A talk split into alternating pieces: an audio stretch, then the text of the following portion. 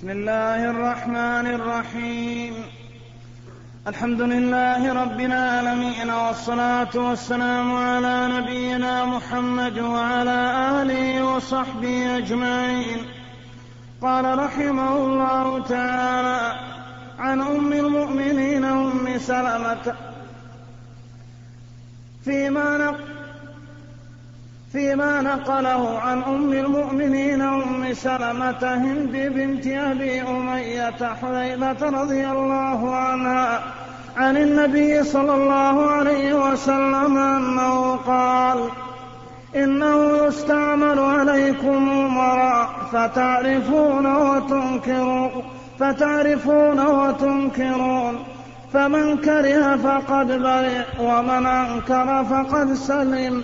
ولكن من رضي وتاب قالوا يا رسول الله ألا نقاتلهم؟ قال لا ما أقاموا فيكم الصلاة رواه مسلم. بسم الله الرحمن الرحيم. سبق لنا أن النبي صلى الله عليه وسلم ضرب مثلا للقائم في حدود الله و والمتعدي فيها الواقع فيها. بقوم على سفينة استهموا فكان بعضهم في أعلاها وبعضهم في أسفلها وكان الذين في أسفلها يستقون الماء من فوق. فقالوا أفلا نخرق يعني على الماء حتى لا نؤذي من فوقنا؟ قال النبي صلى الله عليه وسلم إن أخذوا على أيديهم نجوا جميعا وإن تركوهم وما أرادوا هلكوا جميعا. وبينا أنه ينبغي للمعلم إذا كان المعنى المعقول بعيدا عن التصور والأفهام أن يضرب مثلا بالمحسوس. وفي هذا الحديث الذي ذكره المؤلف في درسنا اليوم أخبر عليه الصلاة والسلام أنه سيكون علينا أمراء. يعني يولون علينا من قبل ولي الأمر. يكون فيهم ما نعرف وما ننكر. يعني أنهم لا يقيمون حدود الله ولا يستقيمون على أمر الله. تعرف منهم وتنكر. وهم أمراء لولي الأمر الذي له البيعة فمن, فمن أنكر أو كره فقد سلم. ومن رضي وتاب يعني فإنه يهلك كما هلكوا. ثم سألوا النبي صلى الله عليه وسلم ألا نقاتلهم؟ قال لا ما أقاموا فيكم الصلاة. فدل هذا على أنه على أنه أي الأمراء إذا رأينا منهم ما ننكر فإننا نكره ذلك وننكر عليهم فإن اهتدوا فلنا ولهم وإن لم يهتدوا فلنا وعليهم. وأنه لا يجوز أن نقاتل الأمراء الذين نرى منهم المنكر لأن مقاتلتهم فيها شر كثير ويفوت بها خير كثير لأنهم إذا, قات إذا قوتلوا أو نوبذوا لم يزدهم ذلك إلا شرا فإنهم أمراء يرون أنفسهم فوق الناس فإذا نابذهم الناس أو قاتلوهم ازداد شرهم. إلا أن النبي صلى الله عليه وسلم شرط ذلك بشرط قال ما أقاموا فيكم الصلاة. فدل هذا على أنهم إذا لم يقيموا الصلاة فإننا نقاتلهم. وفي هذا الحديث دليل على أن ترك الصلاة كفر وذلك لأنه لا يجوز قتال ولاة الأمور إلا إذا رأينا كفرا بواحا عندنا فيه من الله برهان. فإذا أذن لنا النبي صلى الله عليه وسلم أن نقاتلهم إذا لم يقيموا الصلاة دل ذلك على أن ترك الصلاة كفر بواح عندنا فيه من الله برهان. وهذا هو القول الحق أن تارك الصلاة تركا مطلقا لا يصلي مع الجماعة ولا في المسجد ولا في بيته كافر كفرا مخرجا عن الملة. ولا ولم يرد عن النبي صلى الله عليه وسلم أن تارك الصلاة في الجنة أو أنه مؤمن أو أنه ناج من النار أو ما أشبه ذلك. فالواجب إبقاء النصوص على عمومها في كفر تارك الصلاة. ولم يأتي أحد بحجة تدل على أنه لا يكفر إلا حججا لا, لا, لا تنفعهم لأنها تنقسم إلى خمسة أقسام إما أنه ليس فيها دليل أصلا وإما أنها مقيدة بوصف لا يمكن معه ترك الصلاة. وإما أنها مقيدة بحال يعذر فيه من ترك الصلاة. وإما أنها عامة خصت بأحاديث بنصوص ترك كفر تارك الصلاة. وإما أنها ضعيفة. فهذه خمسة أقسام لا تخلو أدلة من قال إنه لا يكفر منها أبدا. الصواب الذي لا شك فيه عندي أن تارك الصلاة كافر كفرا مخرجا عن الملة وأنه أشد كفرا من اليهود والنصارى لأن اليهود والنصارى يقرون على دينهم أما هو فلا يقر مرتد يستتاب فإن تاب وإلا قتل. والله موفق.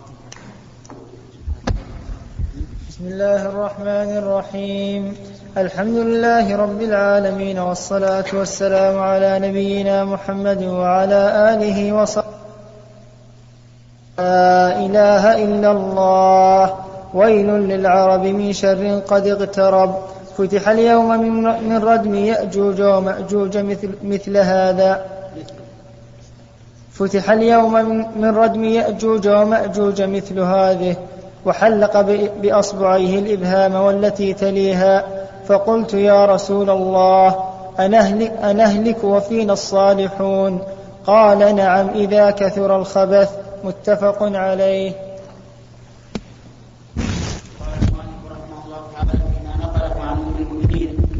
زينب بنت جحش رضي الله عنها أن النبي صلى الله عليه وسلم دخل عليها محمرا وجهه يقول لا إله إلا الله ويل للعرب من شر قد اقترب. دخل عليها بهذه الصفة متغير اللون. محمر الوجه. يقول لا إله إلا الله. تحقيقا للتوحيد وتثبيتا له لأن التوحيد هو القاعدة الذي تبنى عليه جميع الشريعة. قال الله تعالى وما خلقت الجن والإنس إلا ليعبدون. وقال تعالى وما أرسلنا من قبلك من رسول إلا نوحي إليه أنه لا إله إلا أنا فاعبدون. فتوحيد الله بالعبادة والمحبة والتعظيم والإنابة والتوكل والاستعانة والخشية وغير ذلك هو أساس هو أساس الملة. ولهذا قال النبي عليه الصلاة والسلام لا إله إلا الله في هذه الحال التي كان فيها فزعا. متغير اللون تثبيتا للتوحيد وتطمينا للقلوب. ثم حذر العرب فقال ويل للعرب من شر قد اقترب. وحذر العرب لأن العرب هم حاملوا لواء الإسلام. فالله تعالى بعث محمدا صلى الله عليه وسلم في الأميين في العرب يتلو عليهم آياته ويزكيهم ويعلمهم الكتاب والحكمة وإن كانوا من قبل لفي ضلال مبين وآخرين منهم لما يلحقوا به وهو العزيز الحكيم. فبين النبي عليه الصلاة والسلام هذا الوعيد للعرب لأنهم حاملوا لواء الإسلام. من شر قد اقترب. الشر هو الذي يحصل بيأجوج ومأجوج ولهذا فسره قال فتح اليوم من ردم يأجوج ومأجوج مثل هذه وأشار أشار بالسبابة والإبهام. يعني أنه جزء ضعيف ومع ذلك فإنه يهدد العرب. فالعرب الذين حملوا حملوا لواء الإسلام من عهد الرسول عليه الصلاة والسلام إلى يومنا هذا يهددون من قبل يأجوج ومأجوج المفسدين في الأرض. كما قال الله تعالى عن ذي القرنين أنه قيل له إن يأجوج ومأجوج مفسدون في الأرض فهم أهل الشر وأهل الفساد. ثم قال حين نعم ثم قالت زينب يا رسول الله أنهلك وفينا الصالحون؟ قال نعم إذا كثر الخبث. الصالح لا لا يهلك سالم ناجي. لكن إذا كثر الخبث هلك الصالحون. لقوله تعالى واتقوا فتنة لا تصيبن الذين ظلموا منكم خاصة واعلموا أن الله شديد العقاب. والخبث هنا يراد به شيء شيئان الأول الأعمال الخبيثة والثاني البشر الخبيث. فإذا كثرت الأعمال الخبيثة السيئة في المجتمع ولو كانوا مسلمين فإنهم عرضوا أنفسهم للهلاك. وإذا كثر فيهم الكفار فقد عرضوا أنفسهم للهلاك أيضا. ولهذا حذر النبي عليه الصلاة والسلام من بقاء اليهود والنصارى والمشركين من جزيرة من جزيرة في جزيرة العرب. حذر من ذلك. فقال أخرجوا اليهود والنصارى من جزيرة العرب. وقال في مرض موته أخرجوا المشركين من جزيرة العرب. وقال في آخر حياته لئن بقيت لأخرجن اليهود والنصارى من من جزيرة العرب. أو قال لأخرجن اليهود والنصارى من جزيرة العرب حتى لا أدع إلا مسلما. هكذا صح عنه عليه الصلاة والسلام. ومع الأسف الشديد الآن الناس كأنما يتسابقون إلى جلب اليهود والنصارى والوثنيين إلى بلادنا للعمالة. ويدعي بعضهم أنهم أحسن من المسلمين. أعوذ بالله من الشيطان الرجيم. هكذا يلعب الشيطان في عقول بعض الناس حتى يفضل الكافر على المؤمن. والله عز وجل يقول ولعبد مؤمن خير من مشرك ولو أعجبكم. أولئك يدعون إلى النار والله يدعو إلى الجنة والمغفرة بإذنه ويبين آياته للناس لعلهم يتذكرون. فالحذر حذر. الحذر حذر من استجلاب اليهود والنصارى والوثنيين من البوذيين وغيرهم إلى هذه الجزيرة لأنها جزيرة إسلام منها بدأ وإليها يعود. فكيف نجعل هؤلاء الخبث بين أظهرنا وفي أولادنا وفي أهلنا وفي مجتمعنا. هذا مؤذن بالهلاك ولا بد. ولهذا من تأمل أحوالنا اليوم وقارن بينها وبين أحوالنا بالأمس وجد الفرق الكثير وجد الفرق الكثير. ولولا الناشئة الطيبة التي من الله عليها بالالتزام ونسأل الله أن يثبتها عليه لولا هذا لرأيت شرا كثيرا. ولكن لعل الله أن يرحمنا بعفوه ثم بهؤلاء الشباب الصالح الذين لهم نهضة طيبة أدام, الله عليهم فضله وأعاذنا وإياهم من الشيطان الرجيم. أجمعين نقل المؤلف رحمه الله تعالى عن أبي سعيد الخدري رضي الله عنه عن النبي صلى الله عليه وسلم قال إياكم والجلوس بالطرقات قالوا يا رسول الله ما لنا من مجالسنا بد نتحدث فيها. فقال رسول الله صلى الله عليه وسلم فإذا أبيتم إلا المجلس فأعطوا الطريق حقه.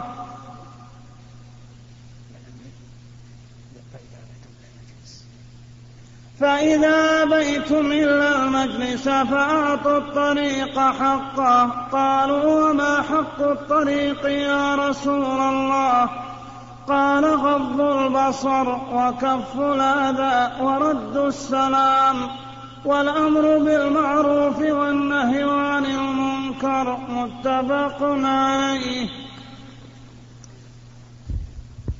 بسم الله الرحمن الرحيم. قال المؤلف رحمه الله فيما نقله عن أبي سعيد الخدري رضي الله عنه أن النبي صلى الله عليه وسلم قال إياكم والجلوس على الطرقات. هذه الصيغة صيغة تحذير يعني أحذركم من الجلوس على الطرقات. وذلك لأن الجلوس على الطرقات يؤدي إلى كشف عورات الناس الذاهب والراجع وإلى النظر فيما معهم من الأغراض التي قد تكون خاصة لا يحبون أن يطلع عليه أحد. وربما يفضي أيضا إلى الكلام والغيبة في من يمر. إذا إذا مر من عندهم أحد أخذوا بعرضه. فالمهم أن الجلوس على الطرقات يؤدي إلى مفاسد. ولكن لما قال إياكم الجلوس على الطرقات وحذرهم قالوا يا رسول الله مجالسنا ما لنا منها بد. يعني أننا نجلس ما لنا بد من المجالس نتحدث ويأنس بعضنا ببعض ويألف بعضنا بعضا ويحصل في هذا خير. فلما رأى النبي عليه الصلاة والسلام أنهم مصممون على الجلوس قال فإن أبيتم إلا المجلس فأعطوا الطريق حقه ولم يشدد عليهم عليه الصلاة والسلام ولم يمنعهم من هذه الجلو من هذه الجلسات التي يتحدث بعضهم فيها إلى بعض ويألف بعضهم بعضا ويأنس بعضهم ببعض لم يشق عليهم في هذا وكان عليه الصلاة والسلام من صفته أنه بالمؤمنين رؤوف رحيم. فقال إن أبيتم إلا, المج... إلا المجلس يعني إلا الجلوس فأعطوا الطريق حقه. قال وما حقه يا رسول الله؟ قال غض البصر وكف الأذى ورد السلام والأمر بالمعروف والنهي عن المنكر. خمسة أشياء. غض البصر أن تغضوا أبصاركم عمن يمر. سواء كان رجلا أو امرأة. لأن المرأة يجب غض البصر أو أن يغض الإنسان من بصره عنه. والرجل كذلك غض البصر عنه. لا تفك لا, لا, لا تحد النظر فيه حتى تنظر ما معه. وكانوا في الأول كان الناس في الأول يأتي الرجل بأغراض البيت يوميا فيحملها في يده ثم إذا مر بهؤلاء شاهدوها. وقالوا ما الذي معه وما أشبه ذلك. وكانوا إلى حد غير بعيد.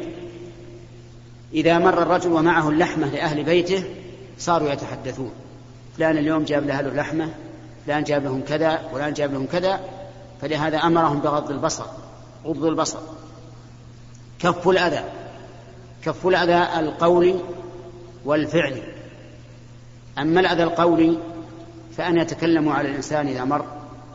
أو يتحدثون فيه بعد ذلك في الغيبة والفعل أن يضايقوه في الطريق بحيث يملؤون الطريق حتى يؤذوا المار ولا يحصل المرور إلا بتعب ومشقة. الثالث قال رد السلام. إذا سلم أحد فردوا عليه السلام.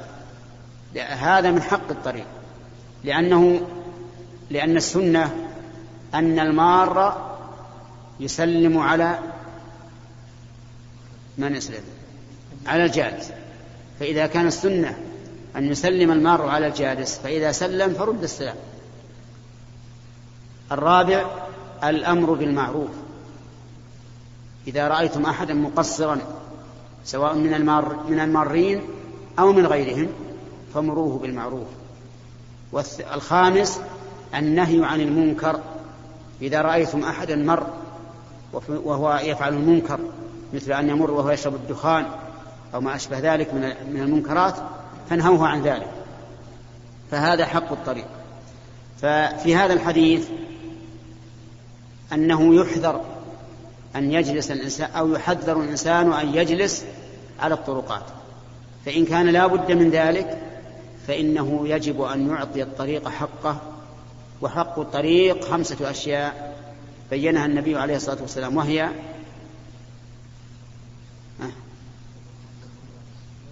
غض البصر وكف الأذى ورد السلام والأمر بالمعروف والنهي عن المنكر. خمسة أشياء. هذه حقوق الطريق لمن كان جالسا فيه كما بينها النبي صلى الله عليه وسلم.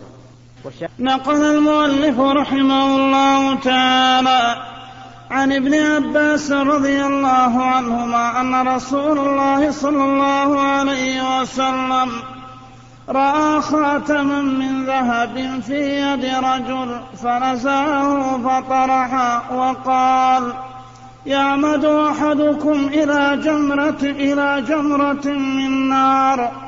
فيجعلها في يده فقيل للرجل بعدما ذهب رسول الله صلى الله عليه وسلم خذ خاتمك انتفع به. قال لا والله لا آخذه أبدا. وقد طرحه رسول الله صلى الله عليه وسلم. رواه مسلم. بسم الله الرحمن الرحيم. قال المؤلف رحمه الله تعالى فيما نقله عن عبد الله بن عباس رضي الله عنهما أن النبي صلى الله عليه وسلم رأى رجلا وفي يده خاتم من ذهب. فنزعه النبي صلى الله عليه وسلم من يده وطرحه في الأرض. وقال يعمد أحدكم إلى جمرة من نار فيضعها في يده. فلما ذهب النبي صلى الله عليه وسلم قيل للرجل خذ خاتمك انتفع به قال والله لا آخذ خاتما طرحه النبي صلى الله عليه وسلم. أتى المؤلف رحمه الله بهذا الحديث في باب الأمر بالمعروف والنهي عن المنكر لأن فيه تغيير المنكر باليد.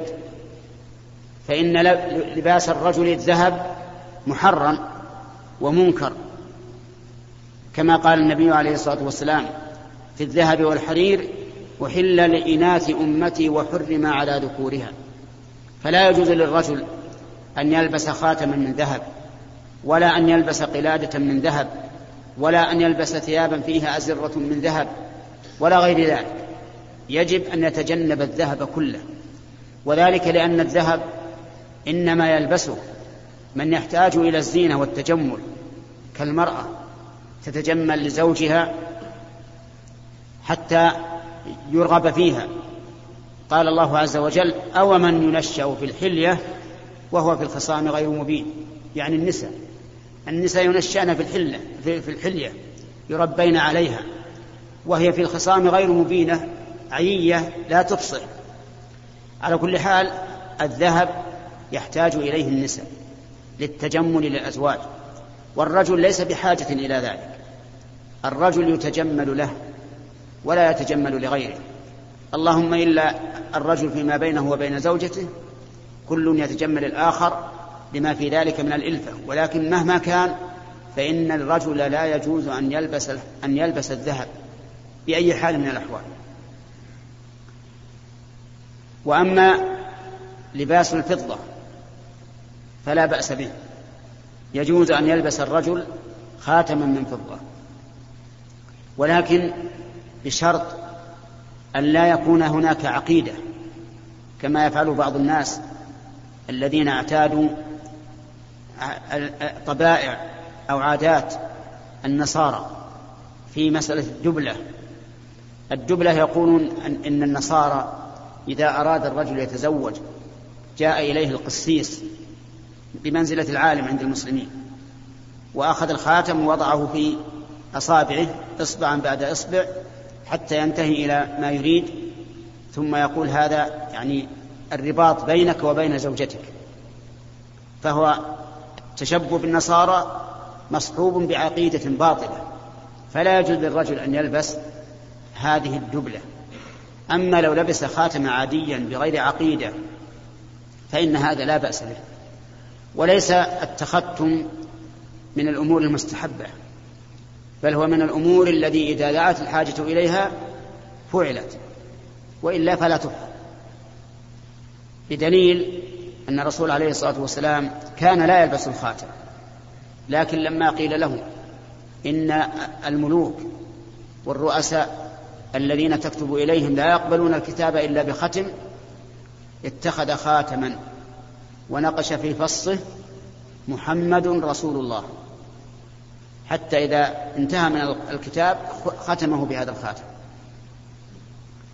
وفي هذا الحديث دليل على استعمال الشدة في تغيير المنكر إذا دعت الحاجة لذلك. لأن النبي صلى الله عليه وسلم لم يقل له إن الذهب حرام فلا تلبس أو فاخلعه بل هو بنفسه خلعه وطرح بالأرض.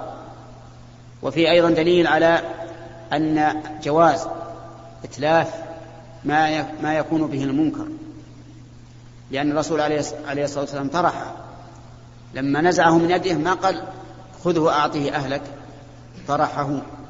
ولهذا كان من فقه الرجل أنه لما قيل له خذ خاتمك قال لا آخذ خاتما طرحه النبي صلى الله عليه وسلم لأنه فهم أن هذا من باب التعزير وإتلافه عليه. لأنه حصلت به المعصية. والشيء الذي تحصل به المعصية أو ترك الواجب لا حرج على الإنسان أن يتلفه انتقاما من نفسه بنفسه كما فعل سليمان عليه الصلاة والسلام حين عرضت عليه الخيل الجياد ولها بها حتى غربت الشمس فلها بها عن صلاة العصر ثم دعا بها عليه الصلاة والسلام وجعل يضربها يعقرها ويقطع أعناقها. طفق مسحا بالسوق السوق جمع ساق والأعناق. أتلفها انتقاما من نفسه لرضا الله عز وجل. فإذا أراد إذا رأى الإنسان أن شيئا من ماله ألهاه عن طاعة الله وأراد أن يتلفه انتقاما لنفسه وتعزيرا لها فإن ذلك لا بأس به. وفي هذا الحديث دليل على أن لبس الذهب موجب للعذاب بالنار والعياذ بالله. لقوله عليه الصلاة والسلام يعمد أحدكم إلى جمرة من نار فيضعها في يده. فإن الرسول جعل هذا جمرة من نار يعني يعذب بها يوم القيامة. وهو, وهو عذاب جزئي أي على بعض البدن. على على الجزء الذي حصلت به المخالفة. ونظيره نظيره قوله صلى الله عليه وسلم في من جر ثوبه أسفل من الكعبين قال ما أسفل من الكعبين ففي النار. ونظيره أيضا قوله حين قصر الصحابة في غسل أرجلهم ويل للأعقاب من, من النار. فهذه ثلاثة نصوص. احفظوها. ثلاثة نصوص ويمكن يوجد غيرها. ثلاثة نصوص كلها فيها إثبات أن العذاب بالنار قد يكون على جزء من البدن. وفيه أيضا في القرآن يوم يحمى عليها في نار جهنم فتكوى بها جباههم وجنوبهم وظهورهم. مواضع معينة.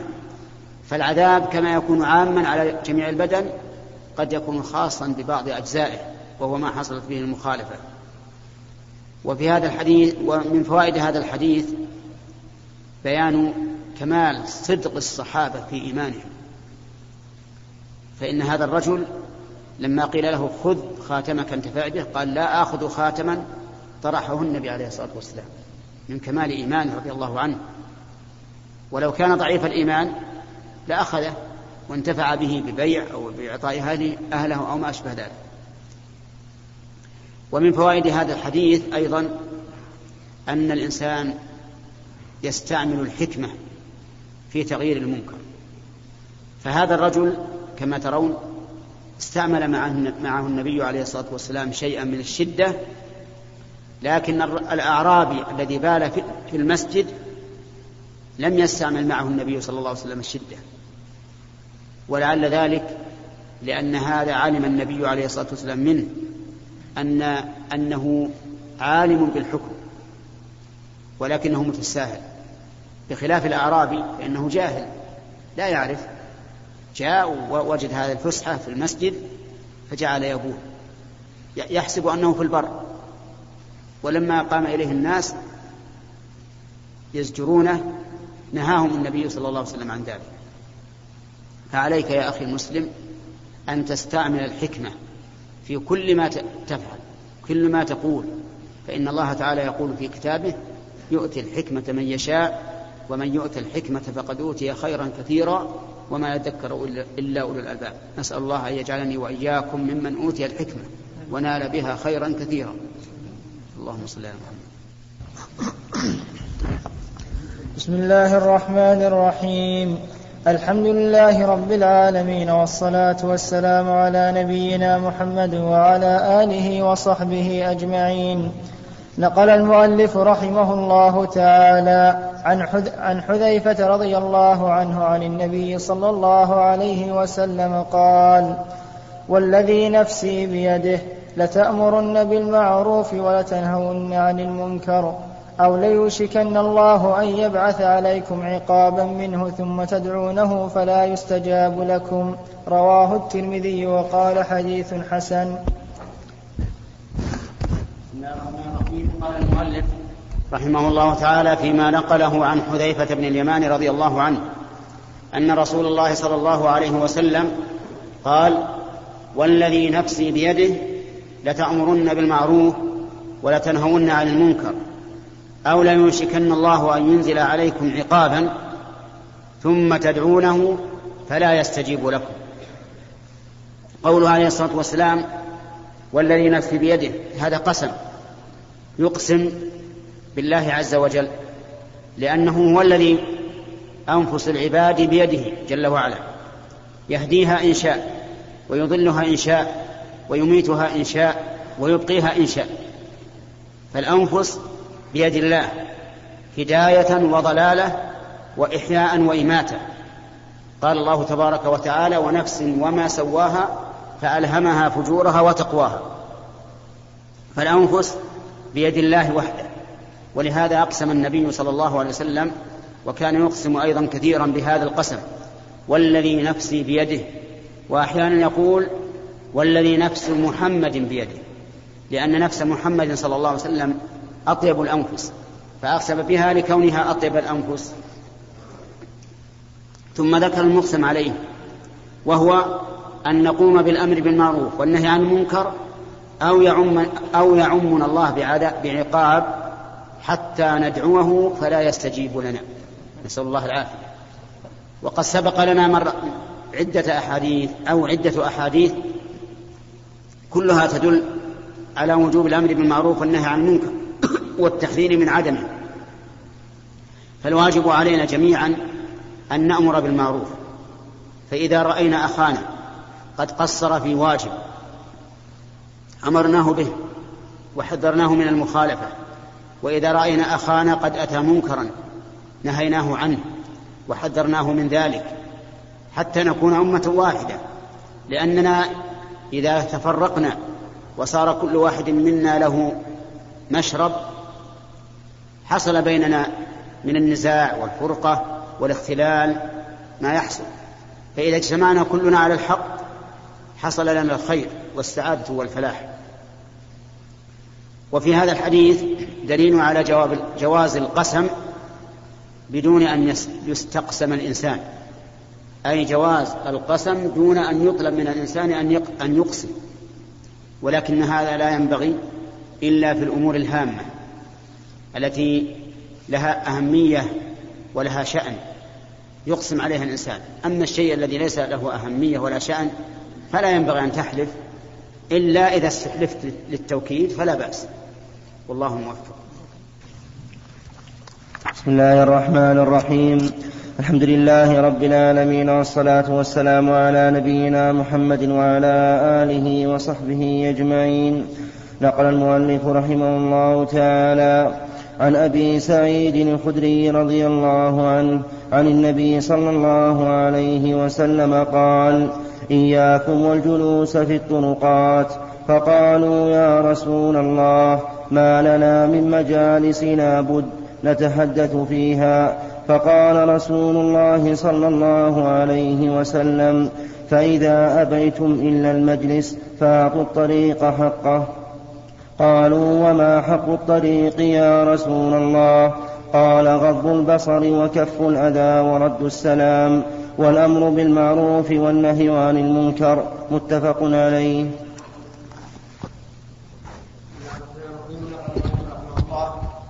عن أبي سعيد الخدري رضي الله عنه أن النبي صلى الله عليه وسلم قال إياكم والجلوس في الطرقات أو قال على الطرقات الجملة هذه تحذيرية لأن معنى إياكم يعني أحذركم من الجلوس على الطرقات. الطرقات الأسواق التي يستطرقها الناس يذهبون منها ويجيئون. وإنما حذر النبي صلى الله عليه وسلم من ذلك لأن الجلوس يحصل به أحيانا الاطلاع على عورات الناس ومجيئهم وذهابهم. وأيضا ربما يتحرج بعض الناس من أن يمر بالطريق وعليه أحد جالس لأنه ليس كل أحد يهون عليه أن يطلع الناس على تصرفاته وعلى ذهابه ومجيئه. كثير من الناس يحب أن لا يطلع عليه أحد على أفعاله وعلى تصرفاته وعلى مشترياته التي يشتريها وحوائجه التي يأخذها من السوق وما أشبه ذلك.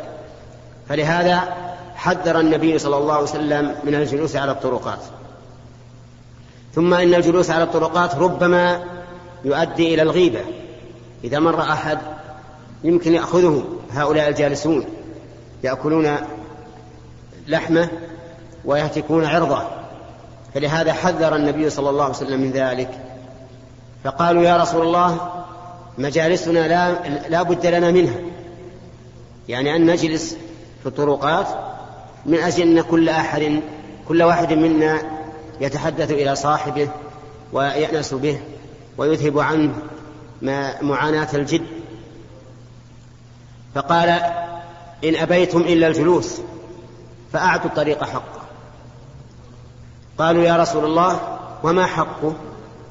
قال غض البصر وكف الأذى ورد السلام والأمر بالمعروف والنهي عن المنكر. خمسة. يعني إن أبيتم إلا أن تجلسوا فقوموا بهذه الأشياء. غض البصر يعني خفضه وعدم الاطلاع على من يمر ما الذي معه وما الذي حمل وإلى أين اتجه وما أشبه ذلك. غض البصر. كأنك لست بجالس كأنك بعيد.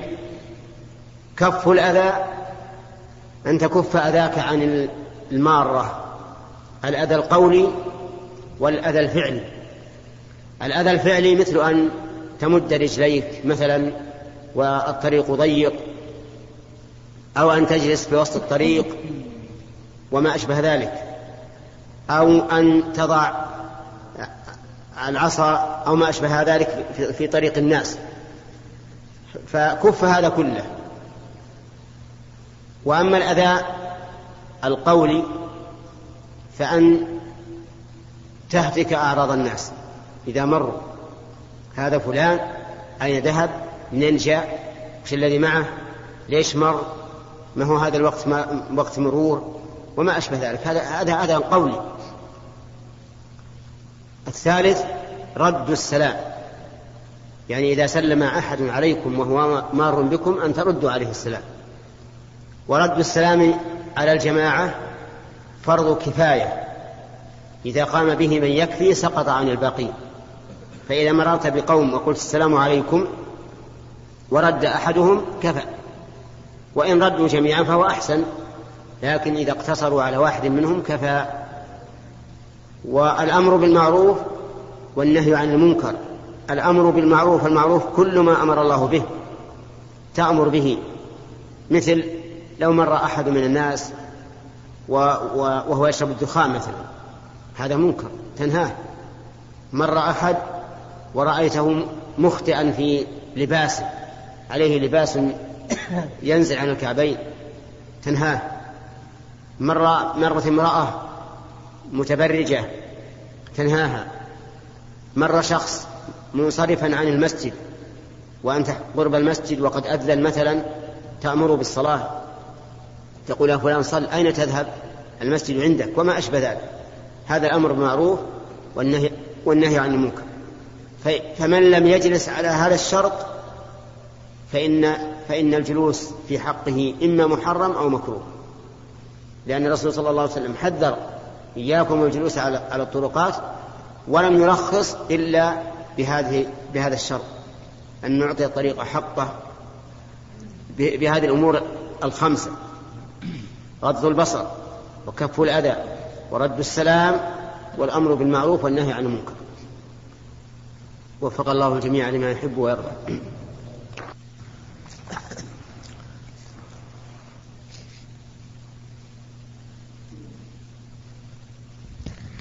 بسم الله الرحمن الرحيم. الحمد لله رب العالمين. والصلاة والسلام على نبينا محمد وعلى آله وصحبه أجمعين. نقل المؤلف رحمه الله تعالى عن ابن عباس رضي الله عنهما أن رسول الله صلى الله عليه وسلم رأى خاتما من ذهب في يد رجل فنزعه فطرحه وقال يعمد أحدكم إلى جمرة من نار فيجعلها في يده فقيل للرجل بعدما ذهب رسول الله صلى الله عليه وسلم خذ خاتمك انتفع به. قال لا والله لا آخذه أبدا. وقد طرحه رسول الله صلى الله عليه وسلم. رواه مسلم.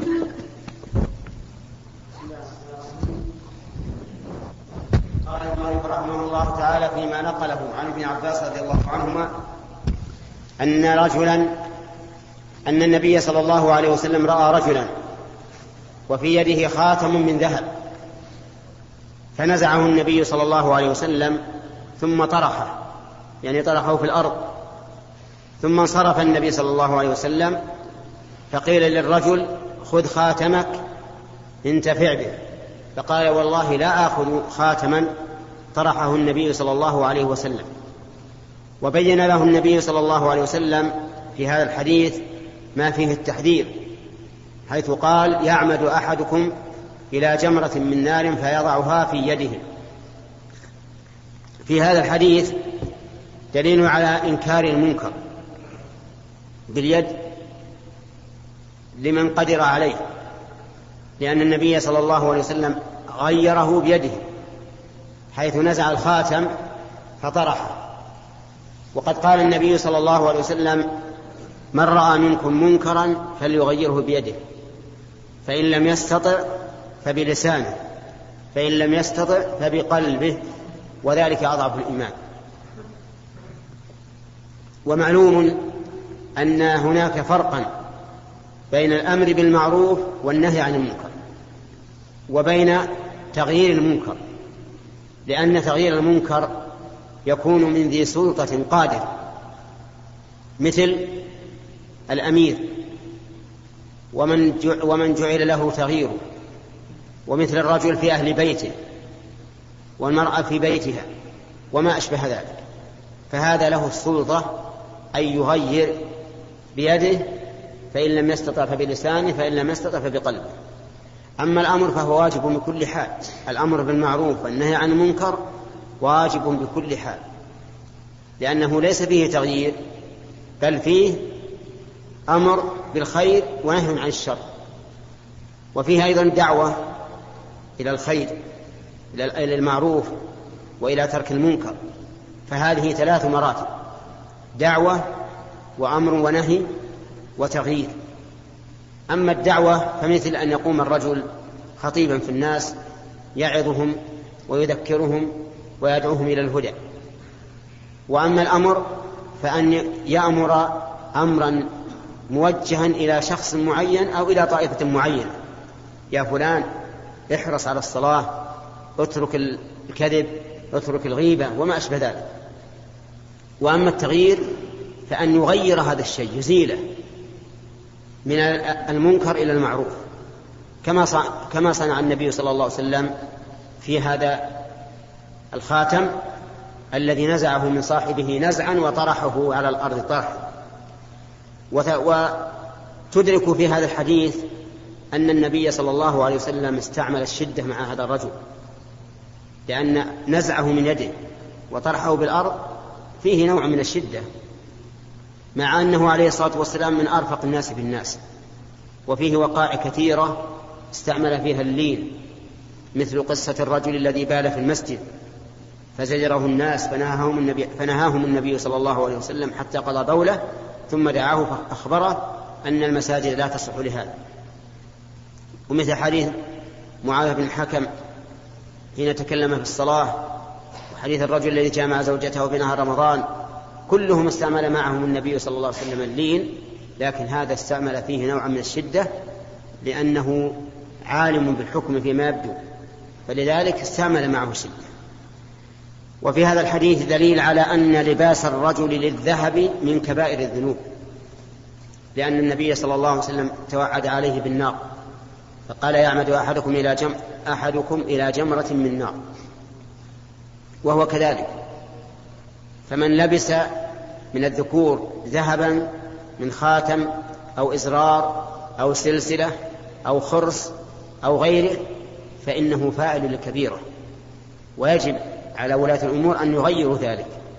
وما أحسن أن يصادروا ما لبسه تعزيرا له وتنكيلا به حتى لا يعود وحتى لا يقتدي به أحد.